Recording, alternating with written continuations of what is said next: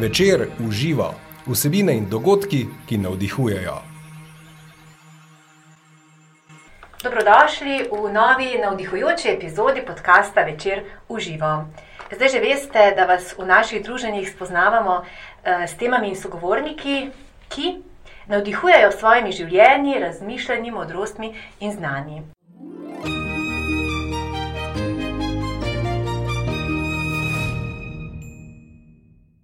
Tudi tokrat bo tako. Vabim torej, da ostanete v naslednjih minutah v naši družbi. Se vam bomo nanizali nekaj namigov, med drugim recimo to, kako premagati strahove, potem kako in zakaj si urediti lastni vrtiček in kako prepoznati recimo tudi kakovosten med. Eh, med nami namreč pozdravljam mojega današnjega sogovornika, gospoda Bogdana Maka. Dobrodošli, gospod Mak. Pozdravljeni. Vi v bistvu prihajate, sem nam čisto izlagala, če bom rekla, da prihajate iz raja. Ne, zagotovo ne. Prihajate torej iz posesti so, Sončni raj, mm -hmm. je tako. Ja. Uh, je to je v bistvu doživljajska kmetija, koliko let uh, že upravljate z njo? No, mi smo dosti mlada kmetija. Uh, kaj zato pomeni, ko ljudje slišijo mlada kmetija, mislijo mm -hmm. vsaj 50 let. Mi smo 4 leta stara kmetija, tako da res mlada dojenček med kmetijami. Ne? Ampak zelo razvita, zelo, zelo živa, pri vas je v bistvu res uh, lahko človek oziroma obiskovalec do, doživi marsikaj. Je tako, mm -hmm. kaj vse? Ja, dejansko mi smo začeli čisto iz ene ideje ali pa iz želje, potrebe po preživljanju kakovostnega prostega časa. Uh -huh. In tako je bila 2015, v bistvu nam z ženo ideja, da bi najela nekaj površinski, čisto za sebe, da bi gojila nekaj zelišč, nekaj industrijske konoplje, ki je takrat bila neka bum rastlina, uh -huh. ali pa se o njej ogromno govorilo, kakšni so potencijali, in nas je pač zanimalo, da bi to preverili. In jaz sem vedel, kje je ta zemlja bi se lahko potencialno nahajala, zato ker sem odraščal v okolju, kjer smo potem se za to zgodbo tudi odločili. Ampak nisem skozi tam živel. Vprašali smo tiste lastnike, kmetija je bila načeloma dokaj zapuščena, eh, površine prav tako, in smo se dogovorili za najem prvo leto. Eh, potem je sredi poletja uh, gospod, ki je tam živel, uh, umrl in so mhm. nekako njegovi dediči izrazili željo, če bi mi lahko eno to odkupla. Sem, kje je ta lokacija? Vodole, maličnih uh mhm. -huh. vodole. Okay. E, torej, v bistvu nek vhod na Mariborsko vinsko cesto. Uh -huh. Kar pomeni iz centra Maribora, mi za kolesje potrebujemo nekje 15 do 20 minut, e, da se pripeljemo do nas.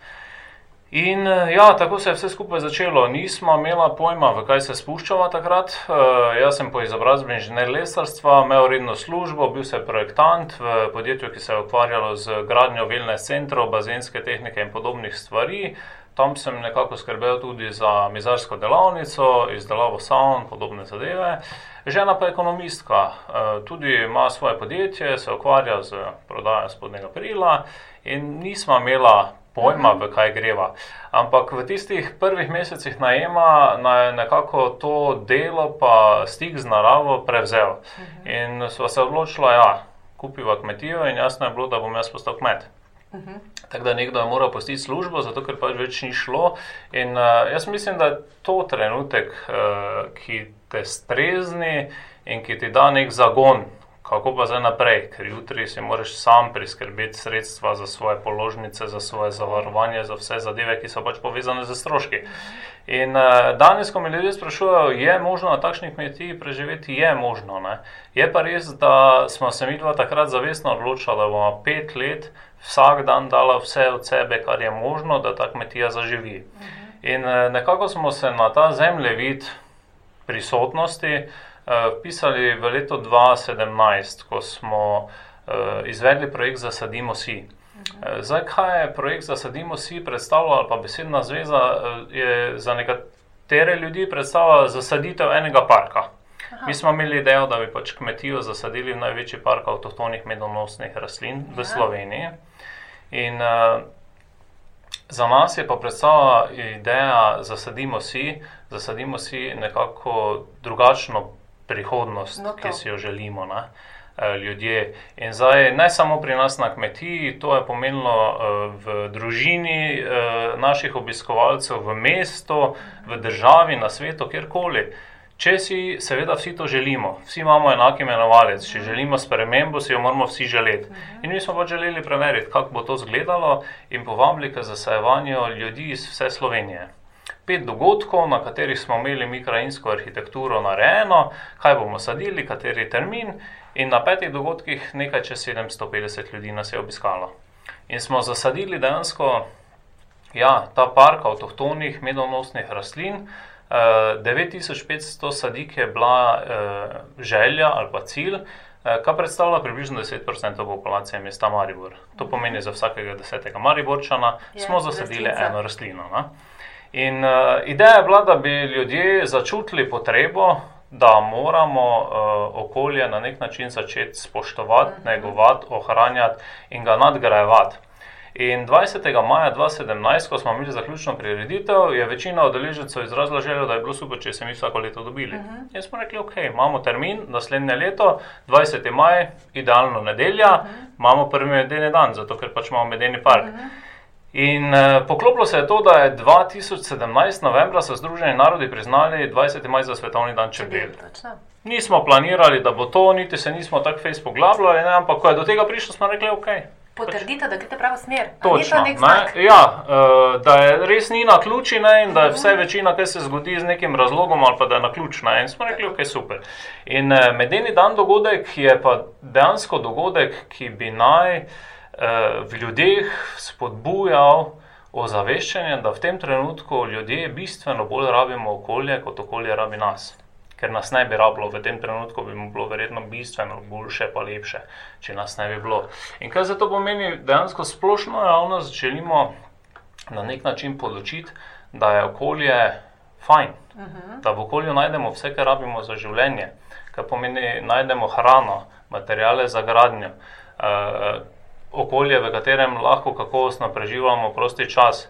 Učimo svoje otroke nekih gibalnih veščin, veščin, v katerih najdejo sami sebe, eh, s čim lahko preživimo, neko pismenost eh, življenja, kar pomeni, kako vložiti zelenjavo, sadje, vse ostale zadeve. Ne? In na to temo potekajo najrazličnejše delavnice na medeni dan. Kar pomeni izobraževalne vsebine, na drugi strani so vsebine, s katerimi želimo animirati otroke, na ta način, da jim eh, pokažemo, kaj je naša tradicija. Uh, torej, rišemo panjske končnice, imamo ljudske predstave in podobne zadeve, da se vsi nekako najdemo skupaj. Ne. Jaz pač nekako mislim, da če narod ni ponosen na svojo zgodovino in pa na genski material, rastlinski genski Mhm. material, ki ga ima, potem narod ne obstaja. In prav je, da to že pri otrocih Začnemo začnemo nekako prevzgajati, graditi in prevzgajati. In tako je bil prvi medeni dan in letos potem tudi drugi medeni dan. Jaz verjamem, da bo tudi medeni dan leta 2020, Pa naprej. da v tej smeri nadaljujemo tradicijo. Ja.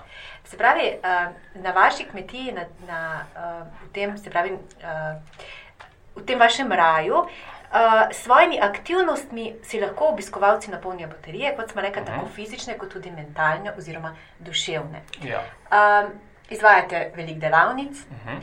Med drugim, bova se posameznih področji vaših dotaknila, pa sedaj pa najprej uh, rekli ste, da, ste, um, da, da želite pri ljudeh nekako privzgojiti ta občutek za okolje in hkrati tudi za samo oskrbo. Uh, samo oskrba pri slovencih, sploh kar se zelenjave in sadja tiče, je v upadu. Uh -huh. Mhm.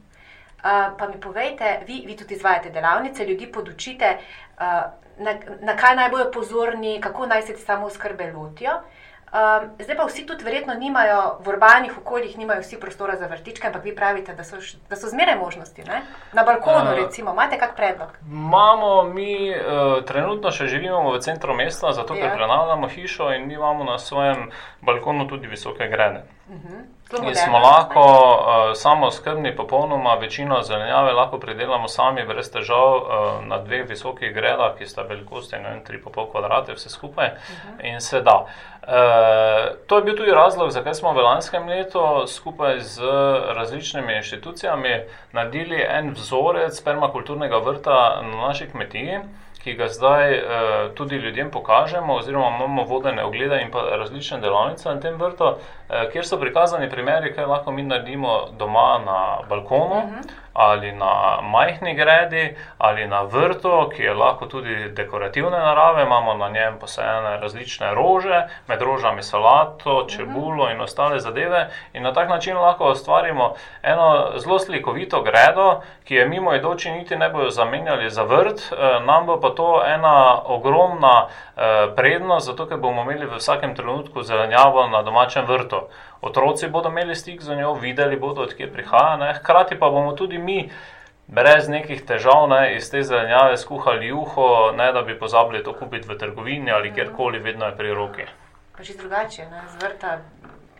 Popolnoma drugače je, absolutno ne. E, Tako jaz spremljam potrošnike ne, in vidim, na kak način razmišlja ogromno še ljudi v Sloveniji, čeprav se procent zmanjšuje ne, in upam, da se počasi bo drastično začel zmanjševati, e, da vse primerjamo z ceno.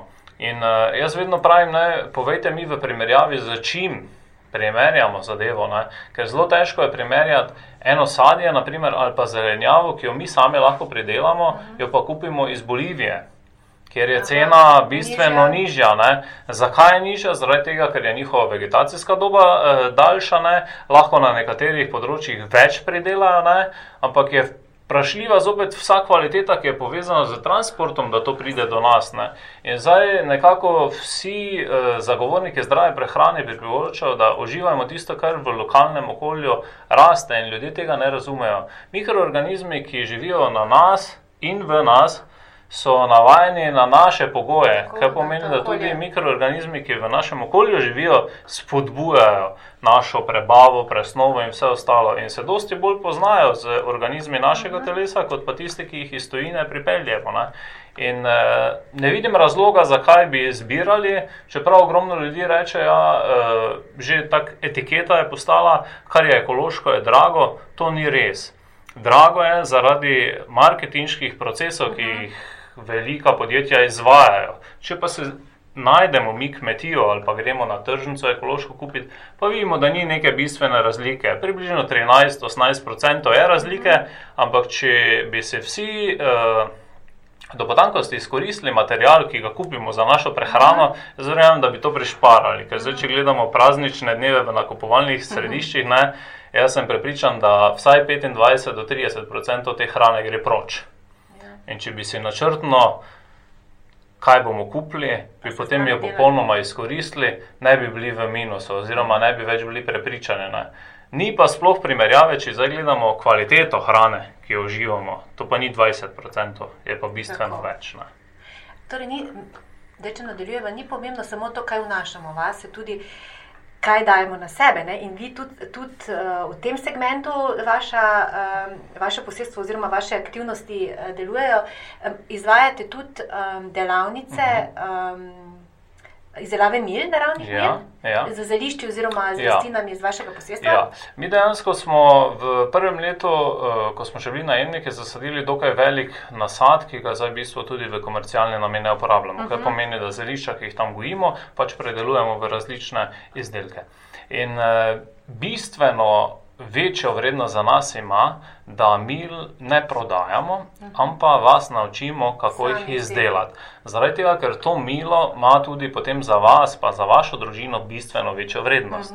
Kaj za to pomeni, da uh, pridete z otroci, družine z otroci ali pridejo šole in šolam ponudimo možnost, da otroke naučimo izdelati milo. Ja. Naslednjič lahko otroci pridejo samo za svojimi starši nabrati zelišče, ali sveže, ali posušena zelišča, ne? in uh, bodo že vedeli, kako vse skupaj zadeve poteka. Ne? Mi tudi imamo pripravljene neke učne liste, učna gradiva, na kak način. In letos smo gostili kar ogromno šol. Uh, jaz verjamem, da bo ta trend v porastu, ne? uh, zaradi tega, ker otroci dejansko uživajo. Vzgojiteljice, učiteljice, spremljevalci, načeloma so vedno malo skeptični, kako bo zdaj to vse skupaj Da potekalo. ne bo miru, ne? Ja, Pa da ne bo miru, eh, kako bomo zdaj mi, ne vem, letos je, eh, je bilo kar veliko zanimanja za izdelavo ptičjih valilnic. Eh, Kako bo zdaj to potekalo, imamo pravo orodje, imamo prave vrtalne stroje, kladiva, nože, lepila, kako bo zdaj to potekalo.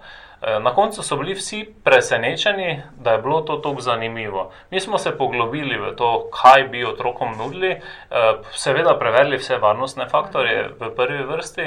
In ker sem jaz pač po izobrazbi inženir lesarstva, mi je to bilo dosti ljubše še, kako to narediti, da bo otrokom zanimivo in zabavno. Kaj pomeni, da imamo primerno orodje za otroke, otroške velikosti. In prav je, da se otroci naučijo, da se kdaj kak sveder polomi, da se kakšna žaga uniči, ampak to je sestavni del življenja, ki, ki je. Ne? In eh, super se imamo, vedno se zabavamo, in učiteljice so na koncu vseeno pomirjene, ko otroci nesejo izdelke domov na šolo, zato ker nam je ideja, da bi te valilnice obesili nekje pred šolami.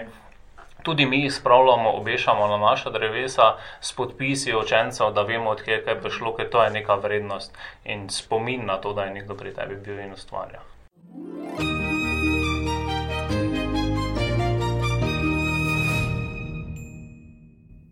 Poleg tega so te vaše rastline uh, tudi uh, spaša za vaše čebele, Mhm. ukvarjate se tudi s čebelarstvom. Ja. Dajte mi vi povedati, kak jaz kot lajk vem, da kupujem kakovosten med. Na kaj naj bom pozorna? To nikoli ne vem, pa vedno slišim, pa vedno pozabim. Oziroma, Za načeloma, uh, ogromno še, pa kar nek procent ljudi še je vedno mnenja, da tiste med, ki kristalizira, ne, da je to sladkor. Ja, no, Pa jaz ni, ne. Ja, ni. Uh, ko ga segrejemo ponovno, ne, med, uh, staro ime za med je strt. Aha. Kaj je to zdaj pomenilo? Ne? Eh, Da med v nekem času, različno, odvisno pač od eh, medu, od vrste medu, med kristalizira, kar pomeni, da postane trd. In eh, ko ga izpostavimo temperaturi 35 do 38 stopinj, se ponovno tekočini in ga ponovno lahko uporabljamo. Za tisti, ki so skeptiki in rečejo, da je to sladkor, naj poskusijo narediti v enem kozarcu, raztopiti dve žlici sladkorja, ga pustijo zaprtega in po dveh mesecih pogledajo, kaj se bo zgodilo. Ne bo kristaliziral, nič se ne bo zgodilo, kar je že prvi pokazatelj, ne, da v tem ni sladkor. Ne. In uh, tak dejansko uh, se da zelo enostavno preveriti. Drugo, kar pa je, pa jaz eh, vedno rečem, ne, ljudem pojdite kupiti med k poznanemu čebelarju. Zakaj ga morate kupovati v trgovini? In če ga že kupite v trgovini, preverite prvo izvor. Tako kot pri hrani, ko smo rekla, da prihaja iz lokalnega okolja, je tudi za med bistvenega pomena, da mi uživamo med, ki je v našem okolju pridobljen. Ne uživati medu, ki prihaja izven Evropske unije. Prvič, ta med vsebuje mikroorganizme, ki jih telo ni navajeno, vsebuje med, med, medičino iz rastlin, ki jih mi niti ne poznamo. Naše telo jih ne more poznati. In v Sloveniji imamo dovolj kakovostnega medu in ni razloga, da se ne bi oglasili pri čebelarju ali kjerkoli drug, eh, drugot, kjer ga prodajajo na stojnicah, imajo čebelarji kar široko ponudbo. Ne? In verjamem, da je v Sloveniji zelo malo nekega ponarejenega medu. Dejansko pa je dejstvo, da na trgu obstaja in pač prav je, da so tudi potrošniki s tem seznanjeni. In ena največjih proizvajalk ponarejenega meda je Kitajska. In tudi iz Kitajske se v Evropo vozijo velike količine meduna. In zato je prav, da preverimo, ker posod piše, ne, kaj je, da se pozanimamo o izdelku, kaj kupimo, če že namenimo za to nek denar. Tako lokalno še zmeraj ostaja najboljša odločitev, Absolutno. izbira. ne. Um, gospod Mak, imate pa vi tudi, uh, v bistvu izvajate še tudi ostale zanimive dejavnosti za razvedrilo, imate ta zipline. Hm, Ja. Eh, Zdaj, v bistvu, Medeni park je uh, ena sprememba v lokalnem okolju in želimo, da to spremembo ponazarja tudi obisk Medenega parka. In, uh, Mislimo, da naravno okolje je namenjeno učnim vsebinam, kot tudi preverjanju svojih lastnih sposobnosti. In uh, mi smo se pogovarjali o tem, kaj bi v tem kontekstu naredili. Jaz sem vodnik Planinske zveze Slovenije in ko smo pač se odločili za nakup kmetije, je bilo jasno, da bo tudi manj časa, ki bi ga lahko eh, preživljali v hribih, kot smo ga do takrat z družino. In potem smo se z otroci nekako dogovorili, da nek kompromis sklenemo na ta način, da naredimo zipline. In dejansko je potem ideja kakšno leto dozorevala in smo se odločili, da naredimo zipline imenovan čebeli let. Kaj za to pomeni? Mi smo naredili en ogromen objekt, ki predstavlja pa, čebelji pan, iz katerega letijo čebele, ampak v tem primeru smo čebele ljudje. Tako. Čebele letijo v gost na drug hrib, v gozdu pač nekaj opravijo, tisti, ki bodo se prišli peljati, bodo videli, kaj opravijo, in se potem po drugi jeklenici pripeljemo nazaj v pan.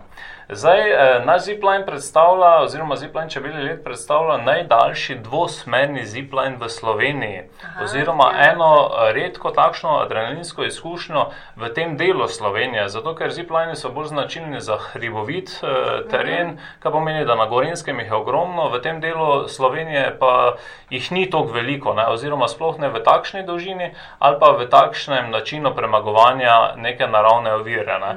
Tako da zelo zanimiv, zelo adrenalinski eh, in na njem uživajo otroci.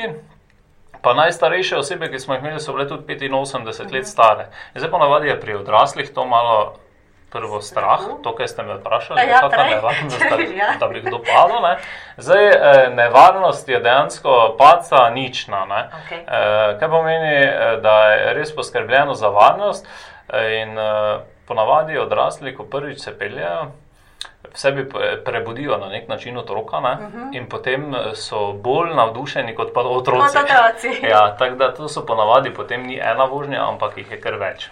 Ampak ne, zdaj, zdaj, zdaj imamo tukaj eno fajn istočnico, še za eno vašo drugo uh, aktivnost, oziroma en drug program, ker mene bi bilo verjetno strah na tem, na tem ziplineu. Uh -huh. Pa, pa obstaja tudi možnost, da se jaz strahu znebim ne? na en način. Obstaja vas, tudi ne? eh, ta možnost. Ja, jaz sem v bistvu, eh, vem, da namigujete na, Na eh, na ritual hoje po žerjavici. Eh, Jaz sem se s tem ukvarjal še preden smo uh, se odločili za nakup kmetije. Takrat smo pač najemali mi prostor, zdaj smo ta prostor uredili, da lahko pač odeležencem ponudimo to uh, obliko preživljanja prostega časa ali pa bolj osebnostne rasti tudi pri nas na kmetiji. In v bistvu, kako mene lahko hoja po žerjavici spremeni? Kako kak to Zdaj, eh, Pa da se ne opečem. Ja, opet. jaz bom zdaj uh, povedal, kaj, eh, kaj vse so uh, spremembe, ki sem jih doživel v teh letih, kar Mhm. že javice izvajam. To je zdaj teče sedmo leto, Mhm. uh, osmo leto, osmo leto, kar izvajam rituale hoje po žerjavici. In uh, kaj vse se je zgodilo? Nekateri so zamenjali službo, nekateri so zamenjali partnera, nekateri so se poročili, nekateri so se ločili, nekateri so zanosli, nekateri so uh, šli po svoji poti raziskovanja in uh, zelo tako blizu mi je, uh, da, da pa sta prija zdaj smo postali prijatelji, odeleženca uh, mojega rituala Hoj po žerjavici, mislim, da je bilo tri leta nazaj, sta bila Urban in Sonja, ki uh, sedaj ustvarjata podobno zgodbo z zelišči v slovenski Istri.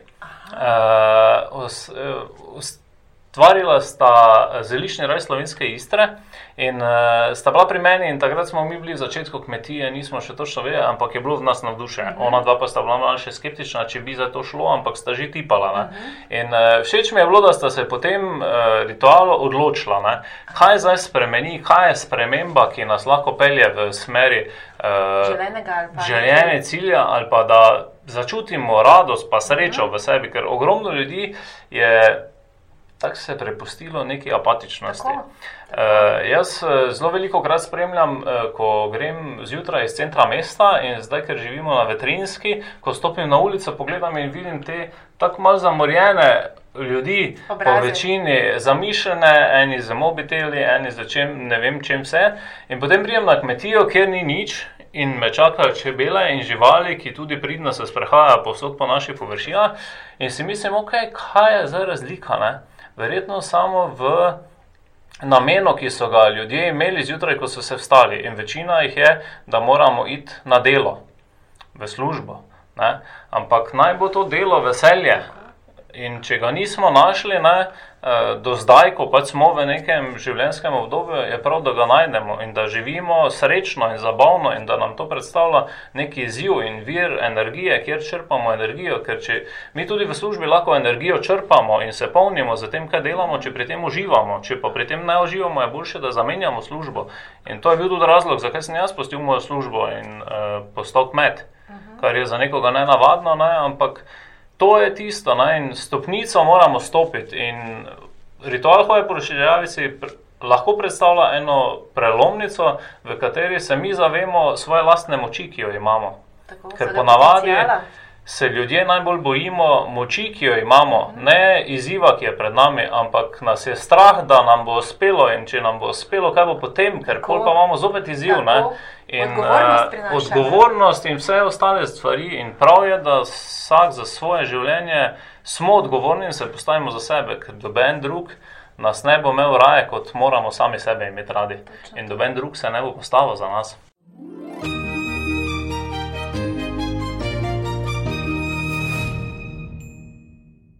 Gospod Maksim, povejte mi, recimo, kako pa poteka ta ritual? Vi se zberete, oziroma udeleženci Mhm. se zberete, pripravite um, grmado in potem. Zakurimo. Ja, koga skuri? Zdaj, v bistvu, uh, ogromno ljudi je uh, prva asociacija, to bo zdaj boleča izkušnja, ne? Ja. ampak moje, uh, moji rituali, hoje po žrjavici so predvsem namenjeni temu, da se družimo, no, da se imamo dajmo. fajn Ja. in da uh, sami pri sebi začutimo, da smo sposobni uh, nekih premikov v življenju. Kako to zdaj poteka? To je dejansko sedemurna delavnica, uh, nekje zdaj v poletnih mesecih se dobimo ob 15. uri in potem izvedemo neko poglobljeno povezovanje skupine, ki se je dobila. Imamo vedno neke zvočne kopeli, ali so to gong kopeli, ali najrazličnejše vsebine, pač, ki jih izvajam jaz, žena ali pa imamo katere od gostov, ki to izvedejo, in potem sledijo najrazličnejše vaje zaupanja, prepuščanja. Eh, Glavni namen teh vaj pa je, da bi se naučili misliti na nič. Zdaj, ko jaz vam rečem misliti na nič, vi pomislite, kaj za to pomeni. Torej ste že na neke misli, niste mislili na nič. Ne? In ko uh, spoznamo te principe, ne, pridemo do tega, da v nekem stanju ne razmišljamo o tem, kaj je smiselno, kaj je prav, zato ker to, kar je smiselno, pa prav, to nam je vgradilo okolje. Oziroma Neki je naša podzavestna posledica, kaj bodo drugi rekli o tem. Ne. Ampak v tem trenutku ni važno, kaj bodo drugi rekli, kaj boste si vi sami rekli. Ne. To je najbolj bistveno in to vas pelje do nekega cilja. Ne. Tako da uh, je kompleksna zadeva, ki na koncu pripelje do željenega rezultata, torej da se sprehodimo po eni preprogi žerjavice. Ne. Uh, seveda to grmado sami sestavijo, odeleženci ne, jo zakurijo z nekim specifičnim načinom uh -huh. in uh, potem spremljamo dejansko neko transformacijo ognja, ki, uh, ki smo ga ustvarili. Ne. In transformacijo v našem telesu, beseda transformacija je sicer tako moderna, ne, uh -huh. ampak neka sprememba, ne, Tako. jo lahko mi vsak dan v življenju naredimo. Zdaj samo naša namera je, kako bomo. Ne? Ali bomo zjutraj pač se vstali, pa z eh, kopilotom ali pa avtomatskim dan. pilotom šli naprej in bo vsak dan enak vsakemu dnevu in bomo komaj čakali vikend, neki niti ne vemo, kako bi ga aktivno preživeli, ne? ampak bo vsaj mir pred šefi, ki jih imamo v službi. Ne? Ali pa se odločimo, ne, eh, moje življenje, moj delovni dan bo sprememba. Kakšna je lahko ta sprememba? Je lahko sprememba en poklon na smeha, je en iskren objem, je lahko čist, popolnoma pres, eh, drugačna perspektiva, ki jo lahko pričakujemo. Ampak mi se moramo za to odločiti, mi moramo reči, ja, to si jaz želim. Tako. Tako je z vsem povezano Tako. v življenju. Začne kot čas vse pri nas. Ja, ja. Ali pa zato nekdo potrebuje, ne vem, poriv žerjavice, drug pa tako ste rekli, kar odločitev Točno. zjutraj. Dajte, gospod, gospod Mak, povejte mi, kaj vas navdihuje življenju. Uh, navdihuje me uh, to, da hočem poiskati otroško radost v sebi. pa vam uspeva, ne? Ma načeloma uspeva. Ne? Zdaj, eh, zelo zanimivo mi je, naša neka glavna rastlina ali pa otrok naše kmetije je industrijska konoplja. Ja. In zdaj ljudje nas vprašajo, mislim, ko se pogovarjamo o njej, ne, je zelo zanimivo, da ko vprašam, če vejo, kje je ta rastlina, ne, popolnoma enako odziv je pri otrocih, pa pri odraslih. Na smeh. A res in tišina. in Torej vam je zanimivo, ne? torej veste, zakaj se gre, zdaj samo ver, verjetno drugačno razumevanje rastline, kaj pač je. Ne? In uh, tudi mi se vsak dan se učimo od uh, rastline, na kak način, zakaj. Uh, je nek vodilni izdelek, s katerim lahko kmetija velikosti, kot smo mi, preživi. Ne? Ljudje nas sprašujejo, ali je možno za takšne kmetije živeti oziroma preživeti. Jaz pravim, da preživetje ni pravi način življenja, ker če preživljamo se, ne, torej komaj preživimo in že na podzavestni ravni ustvarjamo neko, bi rekel, grdo trpljenje, ne, da preživimo. Življenje ali pa živeti, ne, to nam mora dajati. Ne, in mi na naši kmetiji živimo. Živimo na tak način, da smo lahko v letošnjem letu zaposlili eno osebo, ki nam pomaga pri trženju, ne, in v naslednjih treh letih imamo željo zaposliti še dve osebi, uh, ki bi nam pač pomagale. Res pa je, da je delo, uh, zahte ki zahteva celega človeka. V prvi vrsti tukaj ne mislim, da je treba zdaj eh, naše zelišča okopavati ali pa na njivah mhm. okopavati, kar je sestavni del kmetijstva in seveda mora biti storjeno neko fizično delo, ampak več nam pomeni, da nekdo čuti, mhm. kaj dela, kaj počne. Mhm. To je za mene dosti večji rezultat. In uh, ena zelo zanimiva situacija se mi je zgodila v tem, v prejšnjem tednu smo želi uh, sivko, ampak še preden uh, je pač bil tisti čas, da smo se odločili za žeto, nekje okrog 13. ure, smo rekli, dopoledne pa še požanjamo nekaj melise. In uh, imamo na izmenjavi zdaj študentko iz Italije, ki trži uh, marketing lokalnih produktov. Izbrala si je našo kmetijo, jaz ne vem zakaj, ampak očitno smo jo navdušili. Iskala je majhno, majhno ljubko mesto in izbrala je Maribor. In uh, prišla je sem, in potem so nas kontaktirali, če bi jo sprejeli, seveda smo jo sprejeli. Ne? In uh, prvi teden smo se pogovarjali o tem, zakaj sploh mi ustvarjamo kmetijo. Ustvarjamo zato, da lahko čutimo sebe. Ljudje, ki me sprašujejo, kje ste videli to, nikjer nisem videl, iz sebe sem potegnil. Jaz sem svoj čebeljak si zamislil v sebi. Vprašal sem se, kaj bi moj otrok, kaj bi jaz kot otrok želel. Želel bi stik s čebelo. Torej, naredimo čebeljak, ki bo ponujal stik s čebelo in naredili smo ga. In uh, jaz mislim, da je uh, Klaudija to razumela in uh, se mi pač pokazal, kako režemo meliso, načeloma to delamo z srpi ali pač čim manj strojno. Seveda na večjih površinah moramo uporabiti tudi stroje, ampak teh, teh manjših pa je čim bolj ročno. In ko sem prišel nazaj, sem bil presenečen, prav uh, neka radoživo z meni, ker pogledam, da je porezala grme melise in je v dveh grmih melise pustila rastlino šentjanžovke. Ni jih porezala, kar pomeni, da je razumela, da je čutenje bistveno, da ni kar vsega porezala, ampak da je bila v tistem trenutku tam in videla, da je ena druga rastlina, ki mi ogromno pomeni. Ker sem ji povedal, da je bil cilj naseljevanja šentjanževke na naših travnikih, ki se kosijo enkrat na leto in smo mi hoteli eh, na nek način vzgajati v nekem okolju, ki bo sistemsko urejeno in ni šlo. In rastlina se je zdaj začela sama zasajati na naših travnikih in tudi med zelišči. In da nekdo, ki ne razume dobro niti angliščine, eh, mislim, razume angliščino, ne razume slovenščine, ampak dojame, kaj je namen, mhm. da, da je v tistem trenutku ne, -huh. pustila tisto rastlino, da raste, ker nam res ogromno pomeni. To je cilj. Tako. In na tak način bi želeli gostiti še več družin, še več študentov, še več tujcev, pa seveda tudi vseh domačih obiskovalcev, da bi razumeli, da v tem trenutku okolje res rabimo. Glavni namen vseh naših delavnic, ziplajna, ritualov v poželjavici, vodenih ogledov naše kmetije, zavedanje, da rabimo okolje, v katerem smo, ne samo, da smo ponosni na njega in da se znamo s tem pohvaliti v tujini, doma pa za njega nič ne naredimo, ker bomo morali, ker ura bije in tik taka proti koncu, če ne bomo spremenili. In aktivna generacija, ki smo na nas, je, da se ostavimo in to spremenimo in to moč imamo, rabimo samo odločitev. Hvala lepa, gospod Mak, za ta res krasen pogovor, za vse te dragocene namige. Um, tako bodite v naši družbi tudi v prihodnje, v novih podcastih, večer uživa, kot sem že rekla. Najdete nas na trikadvojni vejvecr.com pošiljnica uživa. Z vami sem bila Maja Furman. Uživajte, vsak dan uživajte, najdete razlog za veselje, je tako. In naslišanje in videnje k malu. Srečno!